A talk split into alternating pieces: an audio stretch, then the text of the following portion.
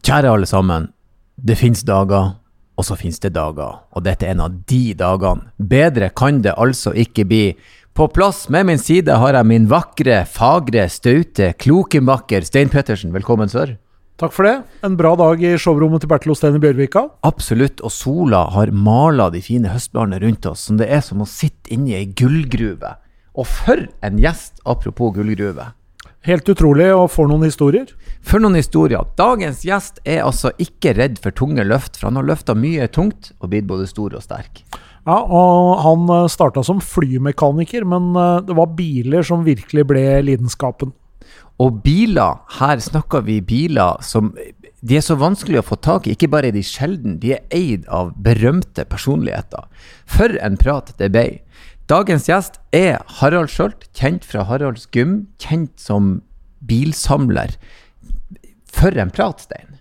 Jeg er enda litt bergtatt og skjelven. Denne kommer dere virkelig til å like. Dette var ekte lidenskap pakka inn i en fryktelig hyggelig, snill, godmodig, strålende historieforteller.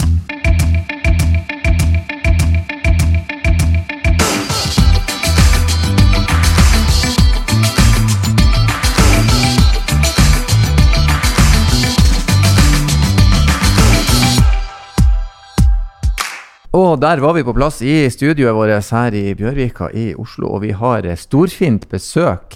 Harald Skjølt, hjertelig velkommen til eh, Bak rattet. Tusen takk. Så hyggelig at du vil komme og snakke om bil med oss. Det setter vi jo enormt stor pris på. Ja, det er jo klart at det er jo et emne som sikkert dere, og i hvert fall jeg også, er veldig interessert i. Og da er jo gøy å lufte litt forskjellige meninger og synspunkter, og hva Ja. vi liker innenfor samme emne. Ja, absolutt. Eh, For å plassere deg litt for lytterne våre, så du er jo eier og driver av Haralds Gym i Oslo. Som jo er en eh, ikonisk studio, vil jeg si. Til og med jeg helt oppe i Nord-Norge på 90-tallet visste om, om den gymmen. Eh, men det er den du Det er dagjobben, holdt jeg på å si. Ja da, der jobber jeg hver dag. Mm. Og har gjort det i 42 år. 42 år. Og du har hatt Arnold på besøk. Eh, han har ikke vært inne på gymmet mitt, det har han ikke.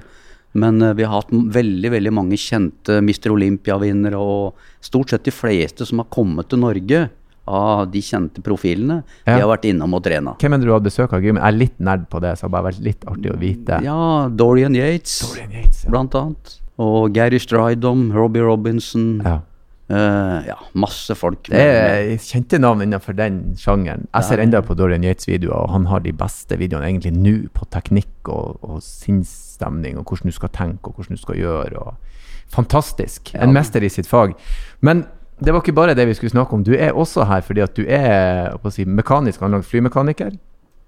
Og har en uh, brennende interesse for bil, har jeg forstått. Og uh, veldig glad i italienske sportsbiler, nemlig Lamborghini. Så vi, la oss bare begynne helt på begynnelsen. Hva du sier, Stein? Vi, vi kan begynne vi, vi trenger ikke å spørre om du er et bensinhue, for det skjønner vi at du er. det vet vi. Men, men eh, si, når begynte denne interessen for, for bil og motorer og mekanikk? Nei, det lå vel egentlig veldig latent i meg som person fra jeg var liten gutt. Mm. Som det er for de fleste, fleste gutter. Mm. Så da var det jo liksom å leke med sånne Matchbox og Dinky Toys og sånne småbiler. Og uh, når jeg ble litt eldre, så begynte jeg å kjøpe bilmodeller som jeg uh, malte og limte sammen. Og var veldig opptatt på et tidlig tidspunkt av dette her med design. Mm. Jeg så så fort liksom hvis en bil som jeg bygde Nei, den var, den var ikke noe fin. Men hvis jeg bygde det var, husker det var en 66 Cadillac Cabriolet de Ville som jeg bygde, og den syns jeg det var veldig flotte linjer på. Den gangen var det mye amerikansk. Så det var det introduseringa begynte med. Og så ble det jo bilbaner og motorsykler og så sånn videre. Men jeg må ta med en liten ting, og det var det at uh, svogeren min, han uh, er tolv år eldre enn meg. Og uh, når han fikk følge med søstera mi, så var det jo sånn den gangen at jenter hadde ofte ikke en 10-15 forskjellige gutter før de gifta seg. Det var én eller to, og så ble de gift, og så var de i gang. Så vi skulle introdusere for denne her nye svogeren vår, da. Mm. Og sto hjemme i Jeg er jo født og oppvokst oppe på Keiserløkka, oppe på Hasle. Og øh, venta da på at han skulle komme, da. Og ute i gata så sto det en og annen folkevognboble og en Ford Anglia og noe sånt noe. Taunuser og sånt noe. Og så plutselig fikk vi se en svær bil. Vi trodde det var kongen med en gang, da. Men det var en 54 Cadillac Eldorado cabriolet. Kom han kjørende med og parkerte rett utafor blokka. Og hvorpå liksom alle naboer alt kom ut og lurte på var det var det et besøk av noen kongelige personer. Men eh, det var nå ikke det, da. Så det var introduksjonen min, og jeg var jo minst like overraska, så den bilen der. Og det fulgte meg jo veldig mye i de kommende åra, for jeg, han hadde veldig mye forskjellig flotte amerikanske biler den gangen. Så øh, det var vel sånn det hele begynte. Og så husker jeg helt i begynnelsen da jeg begynte på skolen. For jeg gikk jo på Hasle skole, og da var jeg en sju-åtte år gammel. Så hentet vi gikk en omvei for å kjøpe noe godt på vei hjem, og der var en butikk. Og utafor den butikken der så sto det en 59 Chevrolet Impala. Ja. Og den syns jeg var så flott. Ja. Så det ble masse ekstraturer hver gang jeg gikk fra skolen, nettopp for å, i håp om at den bilen sto der. Hvordan er forholdet ditt til amerikanske biler nå, da? Har du, ettersom du har konvertert til, til italiensk på et eller annet tidspunkt, da, hvordan skjedde det? Nei, altså, det var vel egentlig eh, Du veit at jeg gikk jo på denne flymekanikerskolen, og var veldig interessert i, som sagt, tekniske ting. Så jeg bygde meg en motorsykkel fra jeg var 14 til jeg var 16 år. Og hadde motoren helt i betaer og trimma. Satte meg inn i totakssystemer. Så jeg var veldig interessert, voldsomt, i sånne ting. Men jeg begynte på flymekanikerskolen, da hadde vi en lærer som het Heldal. Han var motor- og flyingeniør. Og han begynte å lære oss om stempelmotoren først. da. Hvordan den var oppbygd, og hva som var gammeldagse prinsipper, og hva som var moderne prinsipper. Og da skjønte jeg jo litt det der at de amerikanske V8-ere, vel, i henhold til italienske supersportsbiler, så var jo motoren det var jo nesten en T-Ford i forhold til utviklinga på den motorsida. da. For at en Lamborghini-motor, den er jo veldig high-tech. Den gangen de introduserte på den første bilen, da, i, eh, i 64, som produksjonsbil, så var det verdens første serieproduserte bil med V12-motor med fire overliggende kamaksler og seks doble Webere. Og doble Magneti Marelli-fordelere. Og det var en neddopa Formel 1-motor. Og da, da skjønte jeg at eh, Da begynte jeg å peile mer og mer innpå de italienske bilene. Men så kult. Så det var på en måte teknologien som fikk deg hekta først, liksom? At de lå så i forkant på, på det, rett og slett? Det og designet. Ja, ja for du har kommet det, to, det beste av to verdener her. Ja. For all del, jeg er veldig, veldig glad i masse fine amerikanske biler enda. Jeg har også tre stykker, som var drømmen den gangen, så dem kommer jeg aldri til å selge. Og likedan de Lamborghiniene, dem må jeg ha. Her, her snakker vi om en uh, mann som har mer enn uh, to biler, Erlend. Ja da, her er det, det skjønner jeg. Jeg er i lag med to bilsamlere her nå. Jeg, det, det forstår jeg. Men hvordan var eh, trafikkbildet i Oslo da, da når du begynte å, å kjøre motorsykkel og bil i, i Oslo sentrum? Da var det Jeg regner med at uh, MDG hadde ikke så stor innvirkning på parkeringsbestemmelsene på det tidspunktet? Nei, det var jo ikke sånn som det er i dag. Men det var jo mye færre biler òg. For folk eh, hadde jo ikke råd til det.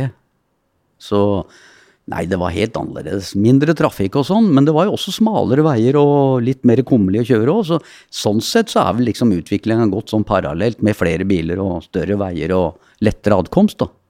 Men i dag er det jo nedprioritering på, på parkeringsplasser og alt som er, så, så jeg er ikke helt med på det der eh, MDG-greiene, altså. For det er ikke så lett å parkere borte hos deg nå når folk skal på trening, eller? Det er helt umulig. Så du veit at du dytter jo folk vekk, da, og alle går til utkantstrøka, for der går det an å få parkert. For bilen er og blir noe vi har brukt for. Så enkelt er det. Den hva skal jeg si, bilskammen, så vil jeg si den er ganske påtatt. For de fleste er glad i bil og har bruk for bil og skjønner at det er noe vi fort, må fortsette å bruke. Du kommer liksom ikke unna den. Det, man kan ikke bare fjerne alt. Nei, så er det jo det at Vi kan jo ikke bare tenke på oss som bor midt inne i Oslo sentrum og i storbyer. Vi må jo også tenke på folk som bor i utkantstrøk og sånn. Og de er jo helt avhengig av bil. Og jeg vil tro det at alle dem som sitter og skriker høyest, dem har nok en bil i kjelleren alle sammen. Ja da. Det vil jeg bare gå ut ifra. Ja da. Men uh, hva var den første bilen din, da, når du, etter at du hadde kvitta deg Jeg vet ikke om du kvitta deg med motorsykkelen, men når du gikk fra motorsykkel til bil, hva var det første bilen du eide sjøl? Ja, det var faktisk en 54 Studebaker. Champion. Uh, jeg hadde den motorsykkelen kun ett år, ja. som jeg laga sjøl. Og fikk så godt tilbud av en kar som gjerne ville kjøpe den, at jeg fikk mer igjen for den enn de kunne gå i butikken og kjøpe en ny lettvekter den gangen. Så da så jeg ikke noe annet råd enn at jeg måtte selge den. Og da hadde jeg allerede peila meg inn på Studebacker som svogeren min hadde. da. Han hadde den Avantien den gangen. Og så var det en flymekaniker oppe på uh, Han jobba på Kjeller. Han bodde i uh, Enebakk. Så var vi og titta på denne bilen. da. Han hadde rustsveisa en del og gjort en del jobb med den, men han skulle selge den, da, for han hadde to stykker. Og jeg snakka en del med han og så på det arbeidet han hadde gjort. Altså, det var så fantastisk i forhold til hva jeg så andre hadde gjort. Altså, den sveisen, det så ut som du hadde liksom tatt en tusj og bare tegna nedover. Mm. Og alt han hadde gjort, det var så skikkelig. Og så begynte jeg å snakke med han, og så fortalte han at han jobba på Kjeller som flymekaniker. Og da begynte jeg å tenke på det. Og eh, han sa det til meg at jeg tror du kunne passa veldig godt til det yrket der sånn. Etter hvert som vi snakka, da. Mm. Og jeg kjøpte jo den bilen han også. Som sagt, det var en 54 Studebaker. Og, så det var den første bilen. Mm, 400 studiebøker. Og, og, ikke bare bil, men også i, si, et, et, yrkesfag på samme slengen der. Det ja, det var da det starta med flymekanikeryrket. Mm. På grunn av han. Mm. Så jeg hadde jo Det er jo alltid et problem å vite hva, hva skal du bli? Mm. Hva skal du jobbe med? Jeg mm. var jo veldig interessert i biler og hadde veldig lyst på det. Men uh, når jeg så den jobben han hadde gjort, da begynte plutselig tankene å gå enda videre. Mm. Og da blei det sånn, da. Mm. Men eh, jeg er litt nysgjerrig på når du eh, si, kjørte opp og tok lappen på den altså, Du begynte å kjøre motorsykkel når du var 14. Når begynte du å kjøre bil? da? Jo, det, jeg tok eh, lappen. Jeg var, jeg var vel 18-19 år gammel. Mm. For da gikk jeg nemlig på Jeg gikk jo på skolen, da. Så den gangen Jo, det var det. Jeg gikk jo på Mekanikeren først. Og da hadde vi en lærer der som hadde vært tidligere biltilsynsmann. Så han sa det til oss. Han hadde oss i tegning. Så hvis dere vil eh, er interessert i å ta sånn, eh, sånn eh, kurs som du måtte ha da, mm. for å ta sertifikat, mm. teorikurs, så kan vi gjøre det her. Og så, når dere har hatt det kurset, så kommer opp to fra Biltilsynet og, og forhører dere i henhold til at dere har bestått den skriftlige prøven. Og når dere har fått det da, så slipper dere å gjøre det. Det var ganske nytt med sånn teorikurs den gangen. Så tenkte jeg at det var jo dritsmart. det var veldig, veldig hendig, ja. Så fulgte jo godt med på det. Og jeg hadde jo motorsykkellappen for uh, motorsykkellappen. Mm. Så teoria, den huska jeg jo en del av, da. Mm. Men uh, da fikk jeg jo den, og da var det jo greit å gå opp til sertifikat etterpå. Mm. Hadde ikke én time. Kjørte rett opp. Det har skjedd eh, Vi har jo hatt, eh, vi har hatt noen sjåførlærere her, og det har skjedd ganske mye. Altså, jeg tror jeg hadde fem kjøretimer jeg, i tillegg til glattkjøring og en mørkekjøringsøkt. Mm. Så i dag så slipper du jo ikke unna med det, akkurat. Nei, Nei. det gjør du ikke. Jeg er litt interessert i å, å snakke om den, på en måte den, den billidenskapen. Og det, det, begynte med amerikanere, og så dreina det over i, i italienere og Lamborghini når du Altså, du skjønte at her er teknikken og designet milevis foran. Men hvordan har den utspilt seg opp gjennom årene? Har du bare altså, har du gått spesifikt inn for å bli en samler, har du bare blitt en samler, eller? Ja, det har vel egentlig bare blitt sånn. Det har aldri vært noen planer om det mm. i det hele tatt. Mm. Men uh, interessen avtar, og etter hvert som du jobber i mange år, så har du kanskje da muligheten til å tilegne deg mm. biler som kanskje ikke er så fine, men å gjøre dem i stand sjøl. Mm. Så jeg har jo hatt mange flere biler enn det jeg har nå. Mm. Men det er jo ting jeg har gjort i stand over tid, og så solgt. Og så jobba jeg inn på en annen modell som da kanskje var enda mer interessant, da. Mm. Vi har jo ikke noen annen mulighet, vi er jo ikke født millioner, nei, nei. Heldigvis. Men, det, men da, har du, da, har du, jo bygd det stein for stein, år ja, for år. Få tak på en, sette han i stand, få han mint, selge han, tjene litt penger, og så, mm. og så bygge videre. Hva var liksom første litt sånn eksotiske bilen du kjøpte deg, da, der du tenkte sånn Shit, nå, den her har jeg faktisk. Der du var sånn Wow, dette er kult. Jo, det skal jeg fortelle deg. Det er en litt artig historie. For at uh, vi dreiv som sagt med amerikanere. Og jeg gikk jo på skolen.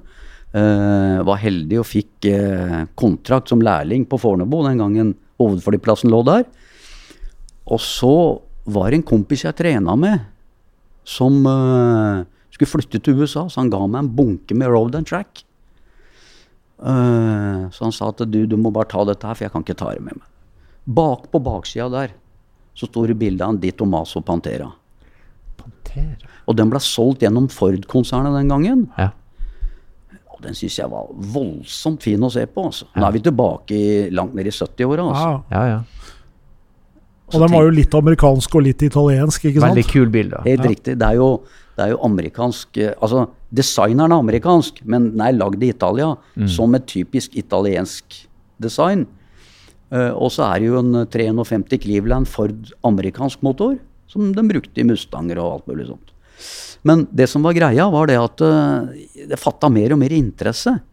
Og så sier jeg til en som jobba på innkjøp uh, i eh, selskapet jeg jobba i på Fornebu, at eh, du står for innkjøp av varer og sånn.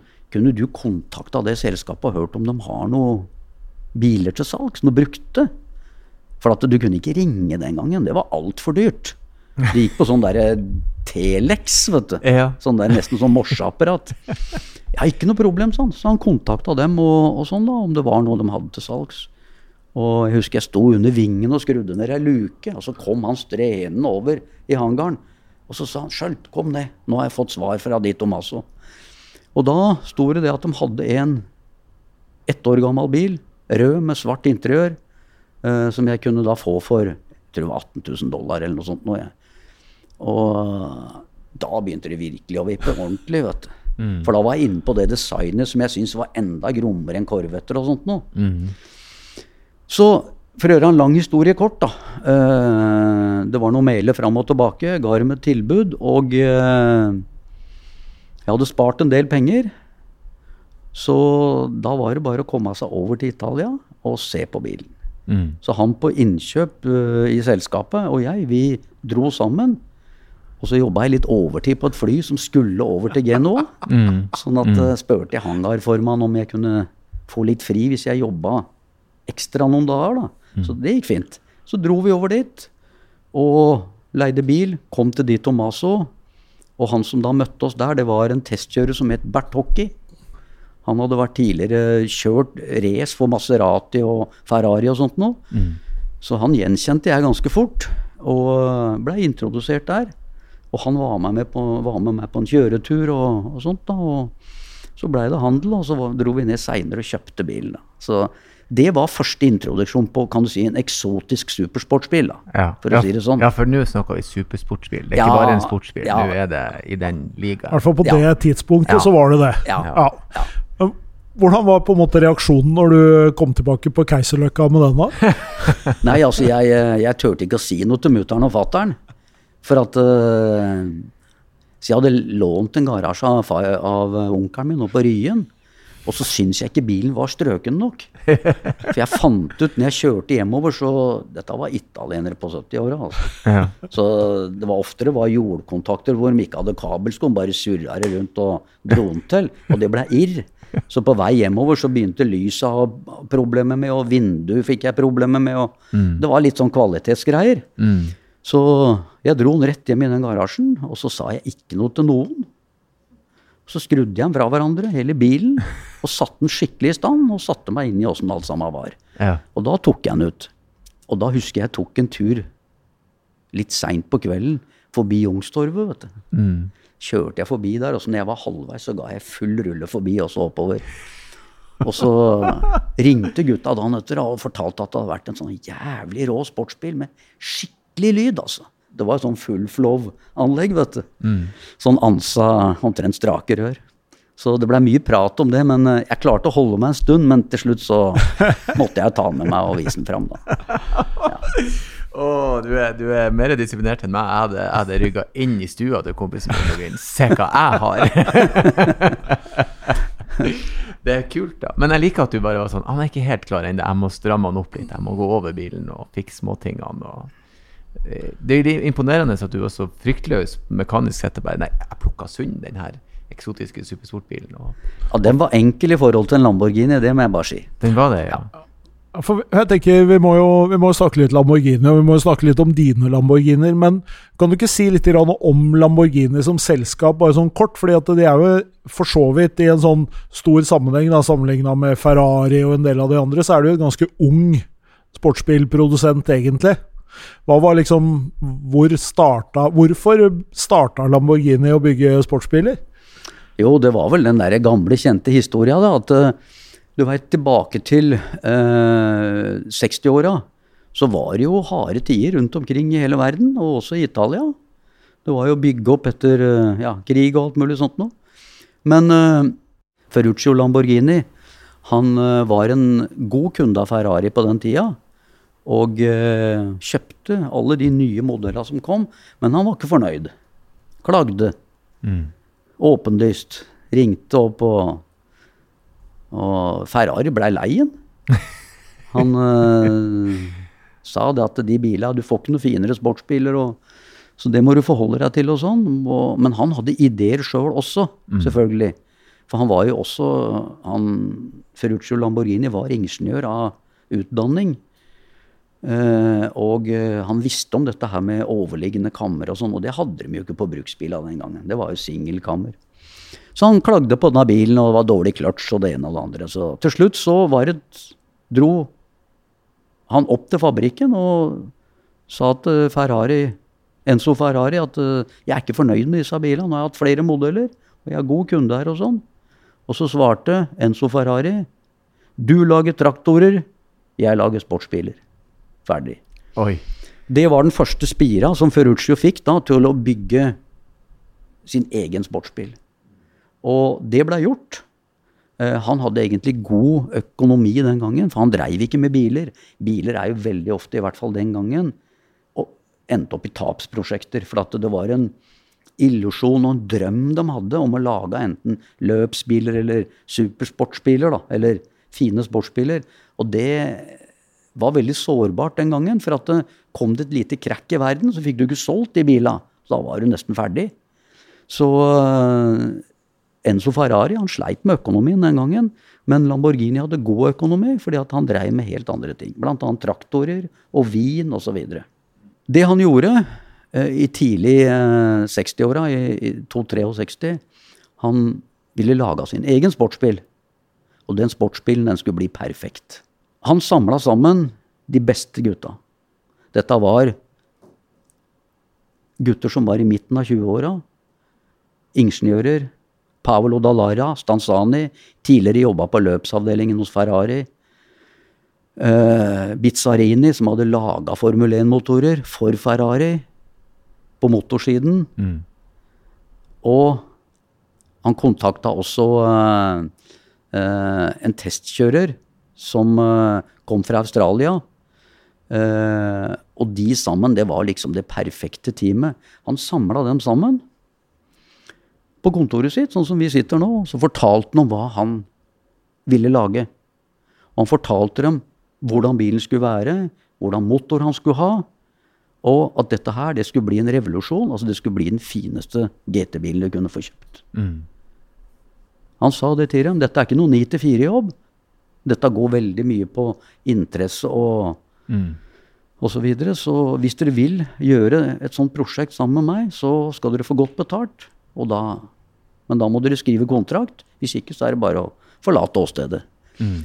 Men de gutta var jo superinteresserte og ville jo svært gjerne være med på dette her. Og det blei det teamet som sto for den første produksjonsbilen til Lamborghini, som heter 350 GT. Jeg begynner jo å skjønne da hvorfor Harald eh, liker Lamborghini. Jeg tror man Ja. har plukka fra hverandre Ja. den det Tomaso, for den var ikke bra nok skrudd sammen. Og her, eh, så det er jo noe der. Men hva var din første Lamborghini, da? Uh, det var en, en Contouch. Jeg skal bare ta med én ting om den eh, 350 GT-en. Ja. Uh, hvordan det virkelig da blei. For det første så lagde de bilen i helaluminium, så den var lett. Og det er ingenting som kan kompensere for vekt. altså. Den veide i underkant av 1200 kilo. Den hadde uavhengig fjæring foran og bak. Skivebremse foran og bak. Femgira kasse. Den gangen Så var det tre gir som var veldig bra å ha. Den hadde fem. Mm. Og så hadde den den motoren som jeg nevnte i stad, altså en V12 med fire overliggende kammer, som da var verdens første serieproduserte bil med en så avansert V12-er.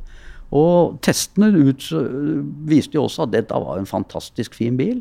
Og det var den første bilen de lagde, og satte veldig mye inn på at dette her, det skal bli skikkelig. Og jeg har i dag en sånn bil sjøl, og jeg må jo si at det er kanskje en av de bilene som er best å kjøre. altså. Du har en sånn Ja, har 350 en sånn. GT. Mm. Wow. Hvordan, hvordan stand var den i når du kjøpte den? da? Ok. Ja. Ok. Uh, jeg måtte ta en del på karosseri der, og en del tekniske ting. Men forutenom at jeg måtte lakkere den Men nå er det riktig farven på den. For den var lakkert en gang tidligere i feil blåfarve. Men når vi fikk strippa hele bilen, så fant vi den gamle farven som het netteblå metallic. Og nå er den i den farven. Og ellers er bilen sånn innvendig med tepper, skinn, brytere. Helt or urørt og originalt, altså. Mm. Hvor mange det- sånne biler fins i dag? da? Det er vanskelig å si. Det, er lag, det var lagd bare 120 biler den Ja. gangen. I dag, jeg vil tippe kanskje halvparten og under det. Ja. Fantastisk. Da, da har du jo på en måte ur-Lamborghinien i bånn, og det er kanskje litt viktig også når du skal ha en samling, eller? Ja, det, det blei sånn etter hvert. Men som svar på det spørsmålet ditt, den Ja. første bilen jeg hadde, Ja. Og som egentlig var veldig triggende på meg, da. Og da snakker vi om design først og fremst. Jeg visste jo at de hadde V12-er som var veldig, veldig high-tech. Men det designet som var på Lamborghini Countach, det, det fenga meg voldsomt. Så jeg ringte til en kompis som bodde i Tyskland, som jeg hadde kjøpt faktisk en Dito Maso Pantera tidligere. Og så sa jeg til han at skal vi reise på bilutstillinga i Frankfurt? Nå er vi Dette var i slutt, helt til slutten av 70-åra, tror jeg. Jeg har jævlig lyst til å se en Lamborghini Countach i, i virkeligheten. Mm. Og så sier han ja, ja, selvfølgelig gjør vi det. Jeg er jo like interessert i det som deg. Så vi dro dit, da. Og øh, kom ned dit, og da var, da var fabrikken på konkursens rand. Så det sto en hvit Lamborghini Contact parkert inni et hjørne med en sånn, sånn tau rundt. Ikke noe folk. Det sto bare Lamborghini, og der sto den bilen. Men for en bil, altså. Altså, vi sto og glante på denne bilen i sju lang og sju breie.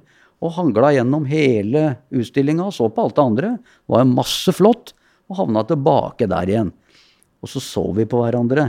Og så sa jeg til han det var verdt å dra på denne utstillinga. Ja, altså. På grunn av én ting. Sånn var det. Så det var liksom uh, Contouch-introduksjonen live. Jeg hadde tidligere lagd et byggesett av han, så jeg visste godt åssen han var i detaljer.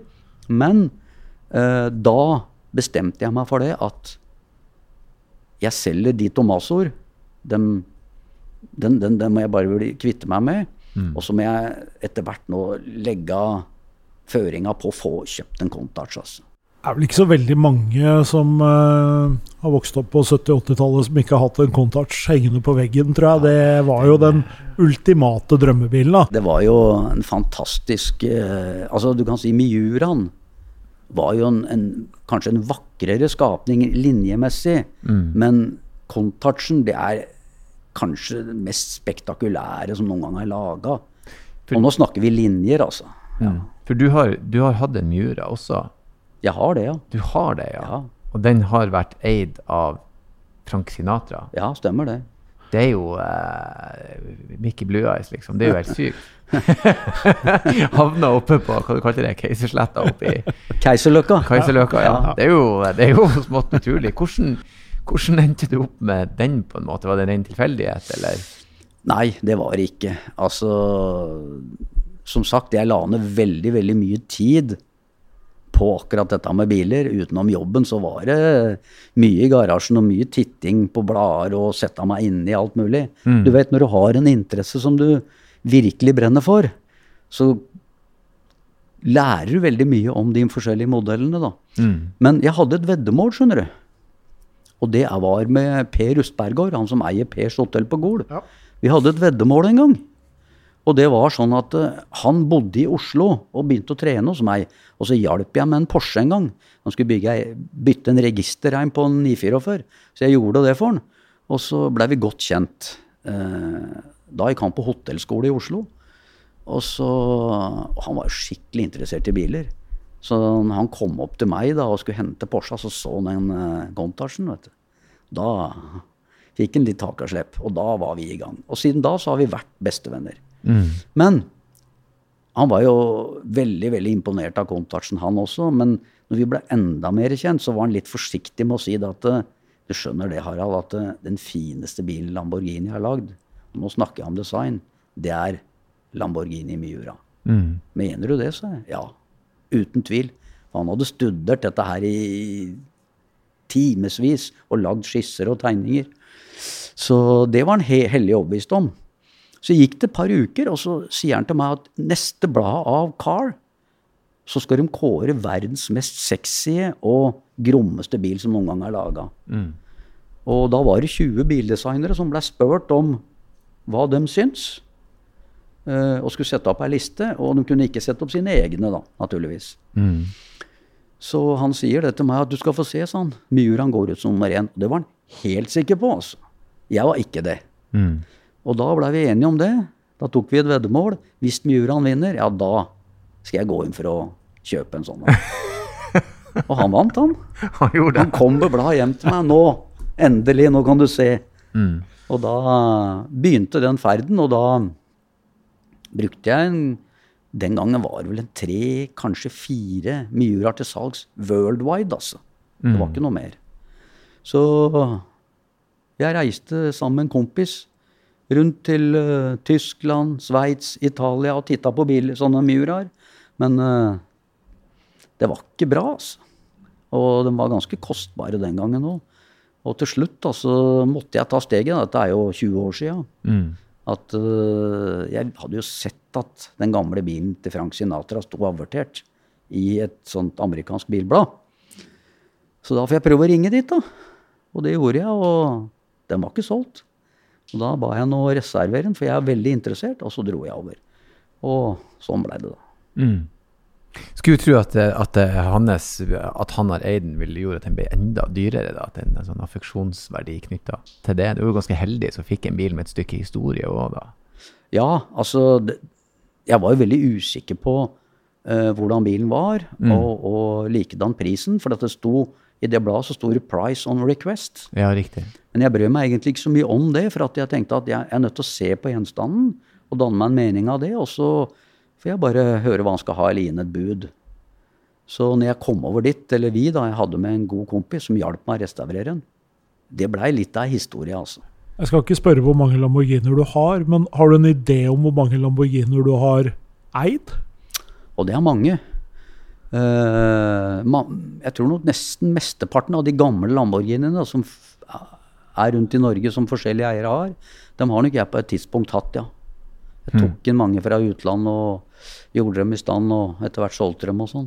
For det er jo Jeg begynte jo med dette for 40 år sia, mm. så det har jo gått lang tid. Mm.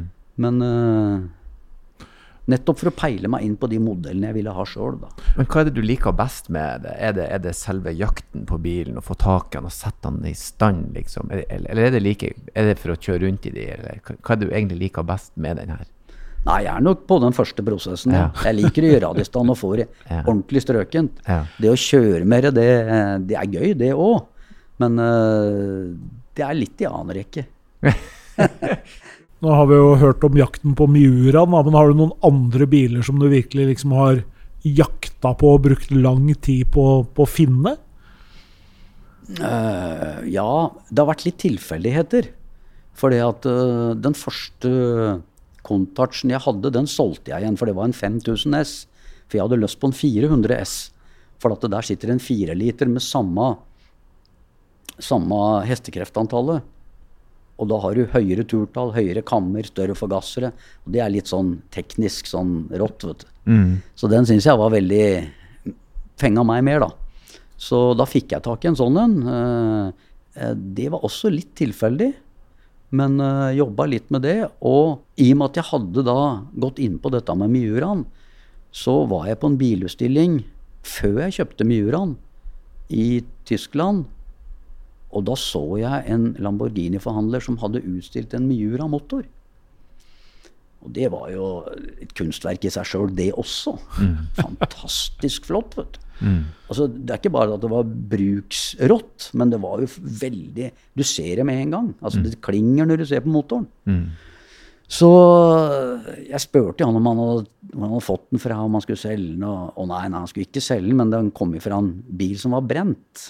Så der hadde den fått den motoren der, da. Så um, begynte jeg å søke litt på en Lamborghini Miura motor, da.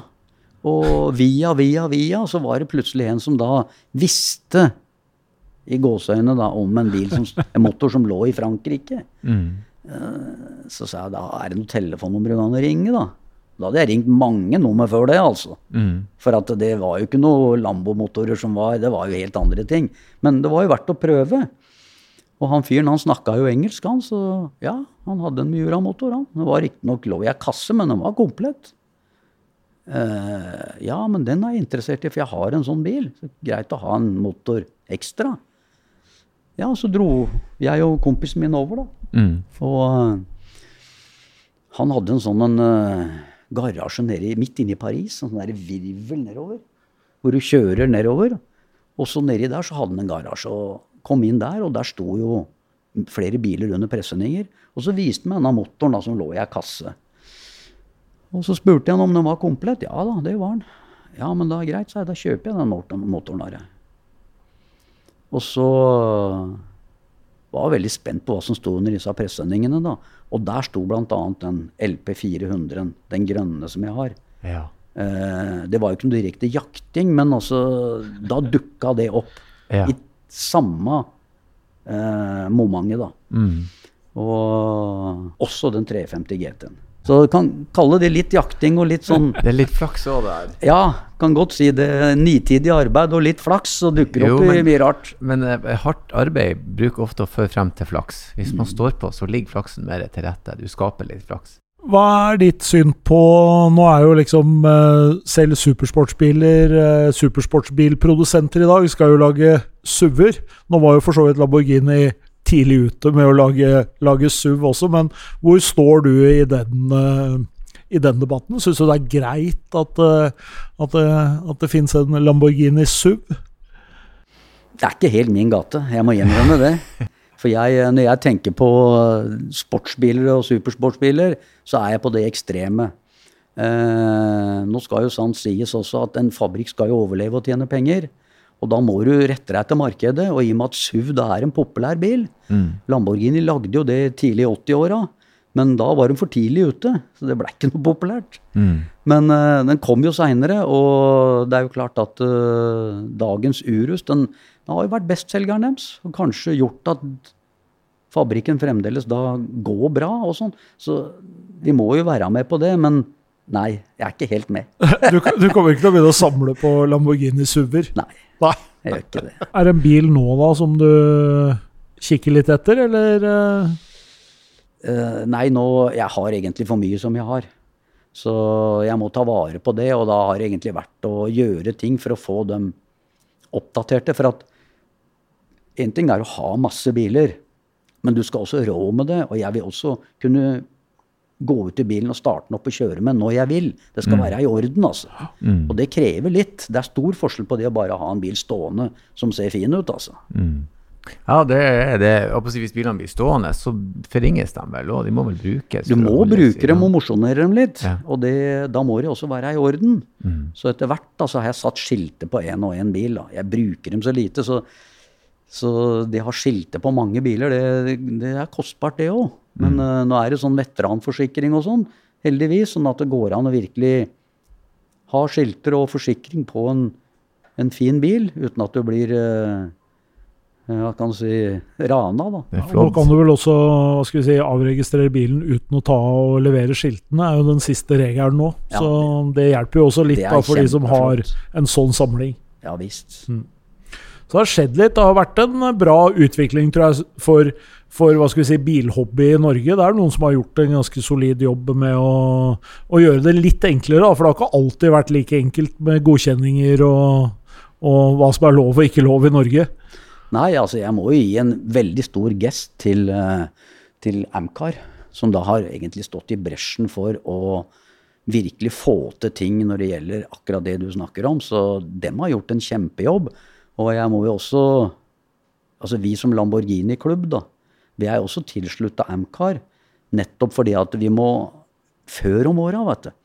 Hadde du Chevy eller hadde du Mustang, ikke sant, så var det litt sånn kriging og sånn. Men i dag så må alle stå sammen om bilhobbyen. Mm. Nettopp for at vi skal da i framtida ha de godene som da har blitt opparbeida, bl.a. 98 blyfri. Mm. For at de gamle bilene dem kan du nesten ikke kjøre på noe annet. Mm. For det er farlig. Mm.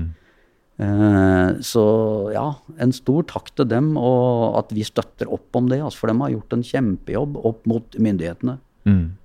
Helt uh, nydelig. Uh, tusen hjertelig takk for at du kom innom. Vanligvis så har vi en del sånne faste ting vi spør gjestene om, men uh, du hadde så mye bra å fortelle om at vi har bare rett og slett nytt dette i lange drag. Tusen hjertelig takk, Harald.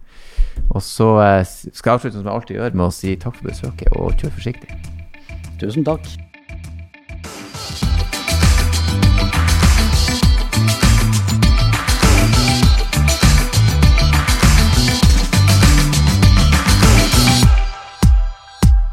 hei, hei, stopp! Det er ikke ferdig ennå, ikke skru av. Det er bare jeg som hiver meg på og ber dere om følgende. Hvis dere vil ha gjester, hvis dere vil komme med kommentarer, hvis dere har spørsmål, bruk endelig vår e-postadresse som er bakrattet.bos.no, bakrattet.bos.no. Ta kontakt, og ikke glem å kjøre forsiktig.